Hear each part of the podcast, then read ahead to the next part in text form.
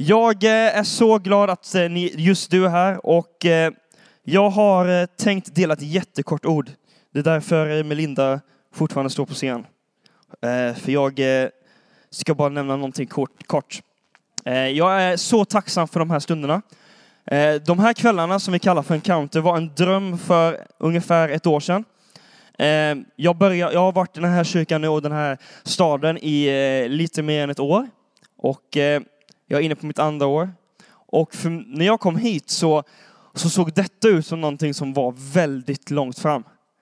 Eh, jag eh, drömde om att se ungdomar möta Gud. Jag drömde om att se unga vuxna möta Gud. Och eh, det första året, det vet ni, ni Unity som var med, så var det så var kanske fredagarna lite mer så ungdomsgård än kanske någon kyrka om man ska vara helt ärlig. Men det är väldigt kul att och få ha sådana här möten där vi gör plats för Gud. Det är det det handlar om. Vi vill möta Jesus och min eh, predikan idag handlar om Jesus. Eh, jag tänker att det passar bra i dessa juletider. Jag har predikat ganska mycket om Paulus den senaste tiden eh, och det ska jag inte prata om idag.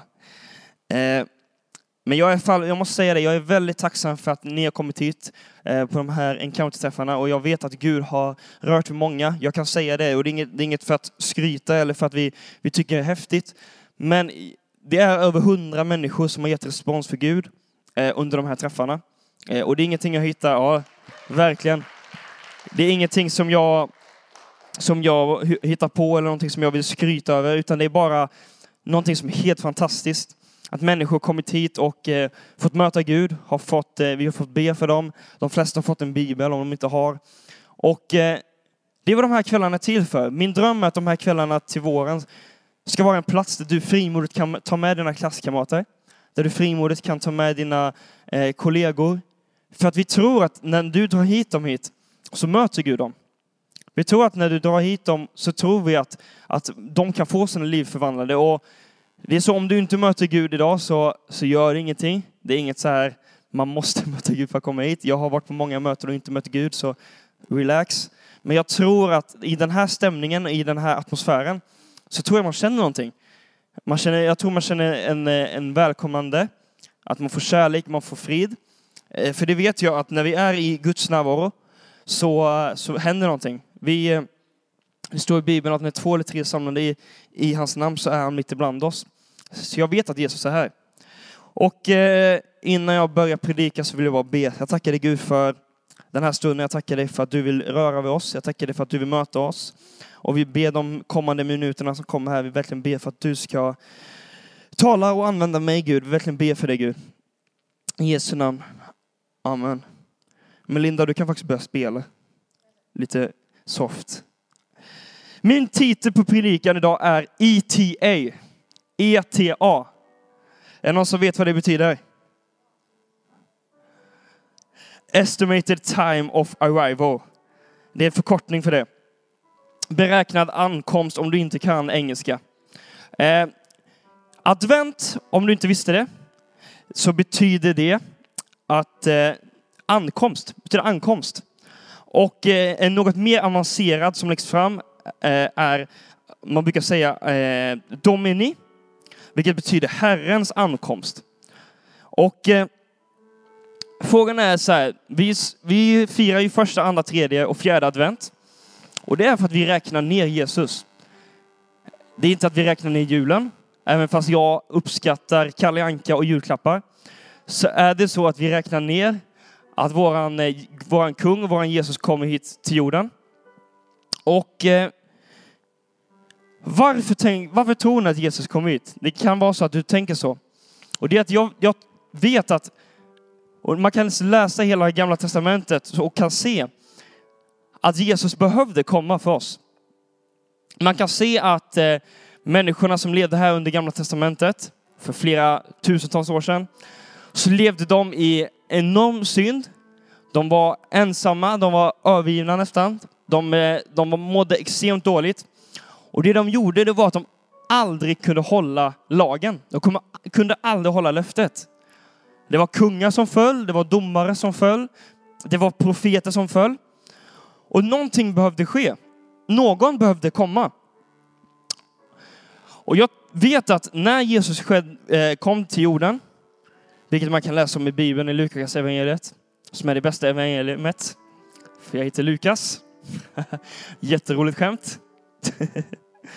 så kan man se det att när Jesus kommer hit, och man kan även se det i, i, i breven sen, så är det att evangeliet och Jesus och Gud blir ännu mer tillgängligt än någonsin. Innan så behövde en, eh, en präst, eller en pastor eller en profet eh, be till Gud. Och inte en vanlig människa hade, hade svårt att möta Gud. Eller man kunde helt enkelt inte.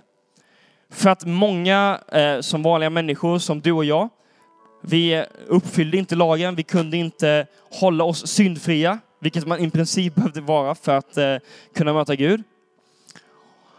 Och någonting behövde ske. Och jag vet inte vad eh, julen är för dig. Jag vet inte vad eh, julen representerar för dig. Det kan vara så att julen betyder ångest. Det kan vara så att jul för dig är en, en jobbig stund, en jobbig tradition.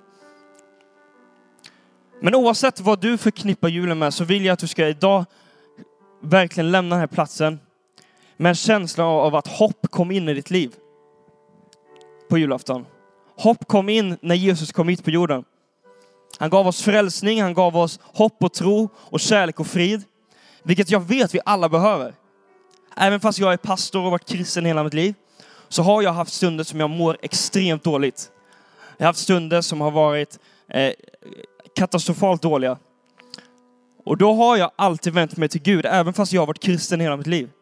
För vi alla behöver ha ett möte med Gud, för det är då det händer någonting. Och när Gud griper in och när vi tar emot frälsningen och vi tar emot hoppet så får man en helt annat hopp inom sig. Som är helt obeskrivet. Det står så här i Jesaja 9. Därför ett barn har fött åt oss, en son är oss given, värdet har lagts på hans axlar och han ska kallas underbar rådgivare, mäktig Gud, evig fader, fridsförste. Han ska kallas underbar rådgivare, mäktig Gud, evig fader, fridsförste. Det är det vi proklamerar när man säger Jesus. Han är den som är mäktig. Han är den som är din pappa, oavsett om du kanske inte ens har en pappa på den här planeten. Det kan vara så att din pappa övergav dig. Vilket jag har extremt många vänner som har, har det fallet. Han kan vara din fader. Han är fridsförsta, han som ger dig frid när du verkligen behöver det. När det känns hopplöst. Värdet, äh, eh, väldet ska bli stort och friden utan slut över Davids tron och hans kungadöme. Det ska be, äh, befästas och stödjas med rätta och rättfärdigheten nu och för evigt. Härskarnas herre lidelse ska göra det.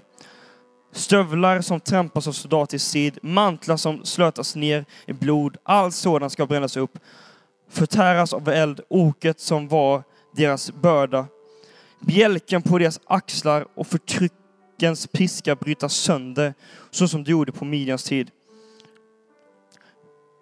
Du gör folket talrika och ger dem en stor glädje. De gläder sig inför dig som man gläder sig under skördetiden och som man jublar när man delar upp bytet. Det är folk som vandrar i mörkret, ser ett stort ljus. Över de som bor i skuggans land strålar en ljus framtid. Och det kan vara så här att du vandrar i ett mörker just nu. Eller jag vet att det finns människor som vandrar här i mörkret just nu. Jag vet att det är människor som känner att de är på sin mörkaste plats någonsin. De behöver någonting, något hopp, de behöver någon framtidsbild, någon framtidstro. Och jag är övertygad om att Gud kan möta det här. Och ljuset ska stråla fram. Något som jag har tänkt på inför den tiden som är just nu, och när, när, vad som representerar advent för mig, det är att Jesus hjälper oss även när omvärlden skapar problem. Bibeln har väldigt många människor som, som har fått jobba i svåra situationer. Och i våra begränsningar vill den obegränsade möta oss och skapa en väg som kan kännas omöjlig.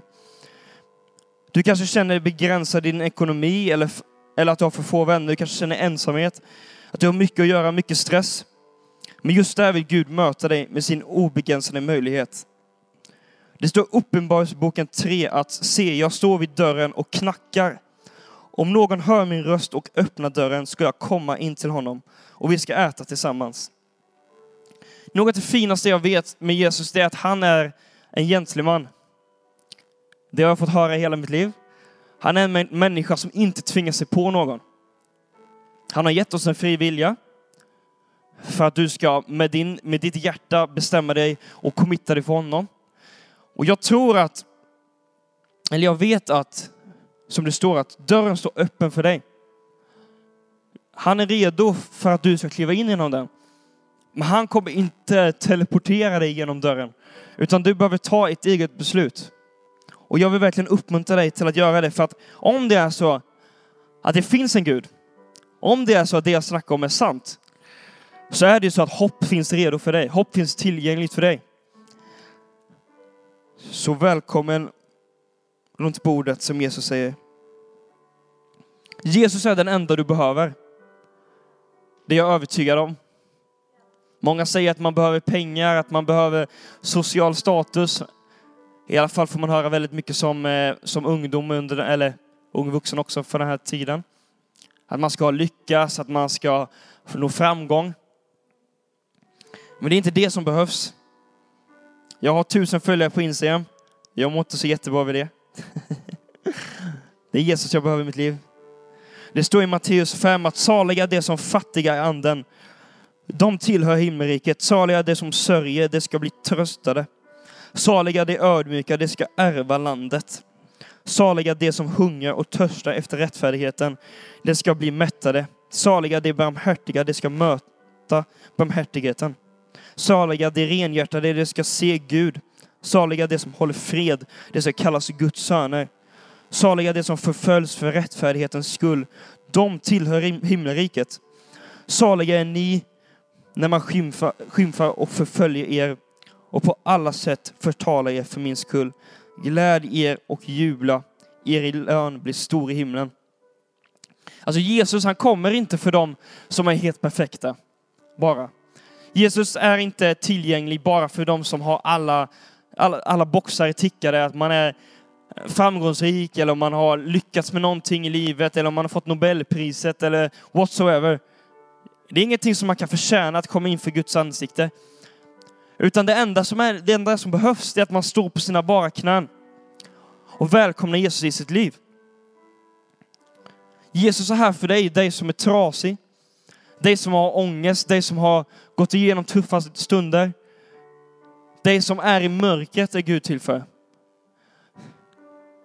Din lön består i himlen. Det står i Johannes 14, frid lämnar jag åt er, men frid ger jag er. Jag ger er inte det som världen ger. Låt inte hjärtan oroas och tappa inte modet. Alltså frid som övergår allt förstånd. Jag tror det är många som behöver känna det just nu. Jag tror det är många som behöver frid i sina hjärtan. Speciellt under kanske en tid som denna när det är mycket krig i vårt närområde, som man har hört många gånger politikerna säga. Att det är kaos, att vi behöver liksom hjälpas med resurser. Det är kaos över vår eh, energi. Det kan vara så att dina föräldrar får betala väldigt stora elpriser just nu. Det kan vara så att du inte känner någon hopp för framtiden på grund av eh, klimatkatastrofen. Men jag är tacksam för att det finns en Gud som vill det bästa för oss. Jag är tacksam att det finns en Gud som vill ge frid till de som behöver det. För frid finns tillgängligt.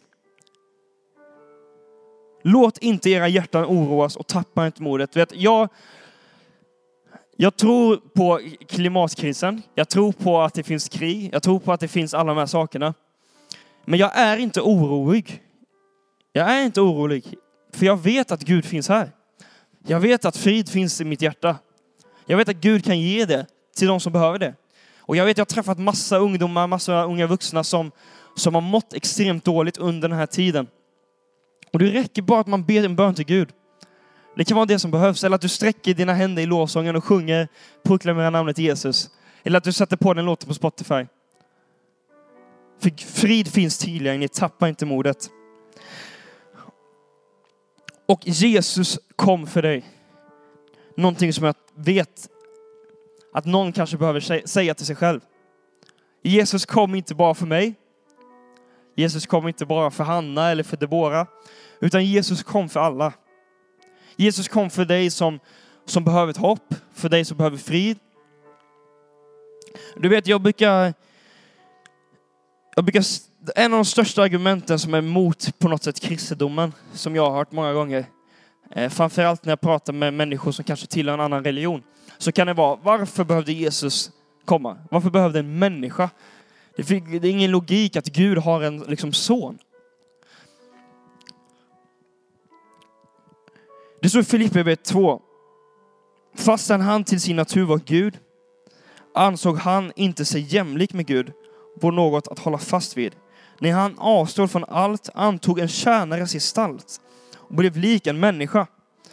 Till det yttre blev han människa. Han gjorde sig ödmjuk och lydde ända in i döden, döden på ett kors. Därför har Gud upphöjt honom över allt annat och gett honom det namn som står över alla andra namn. För att alla ska böja knän för Jesus namn, både i himlen och på jorden och under jorden, och alla bekänna att Jesus Kristus är Herre.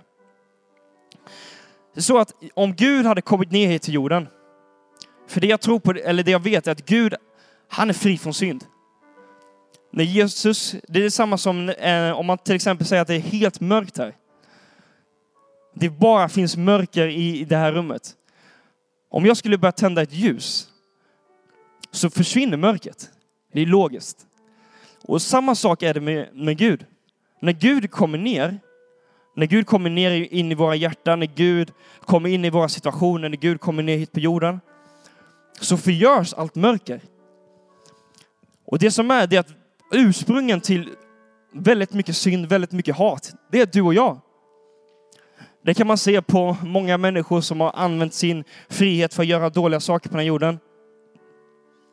Och det är så att om Gud skulle komma ner hit som Gud så skulle all synd försvinna. Vilket innebär att du och jag inte skulle existera. För vi är inte tillräckligt värda för att vara inför Guds ansikte.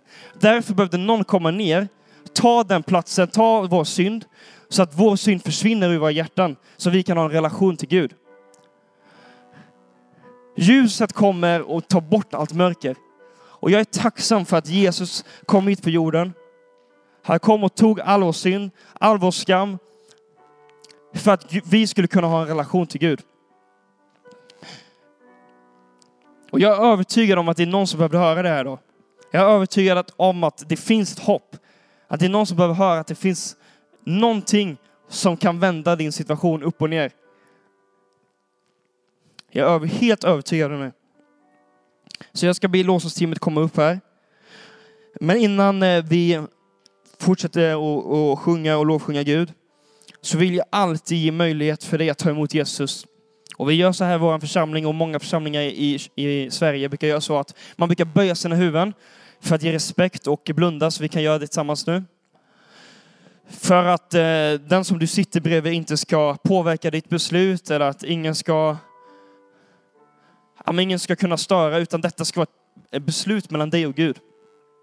Och eh, det står i Romarbrevet 10 och 9 att för om du med din mun bekänner att Jesus är Herre och ditt hjärta tror att Gud har uppväckt honom för de döda, så ska du bli frälst.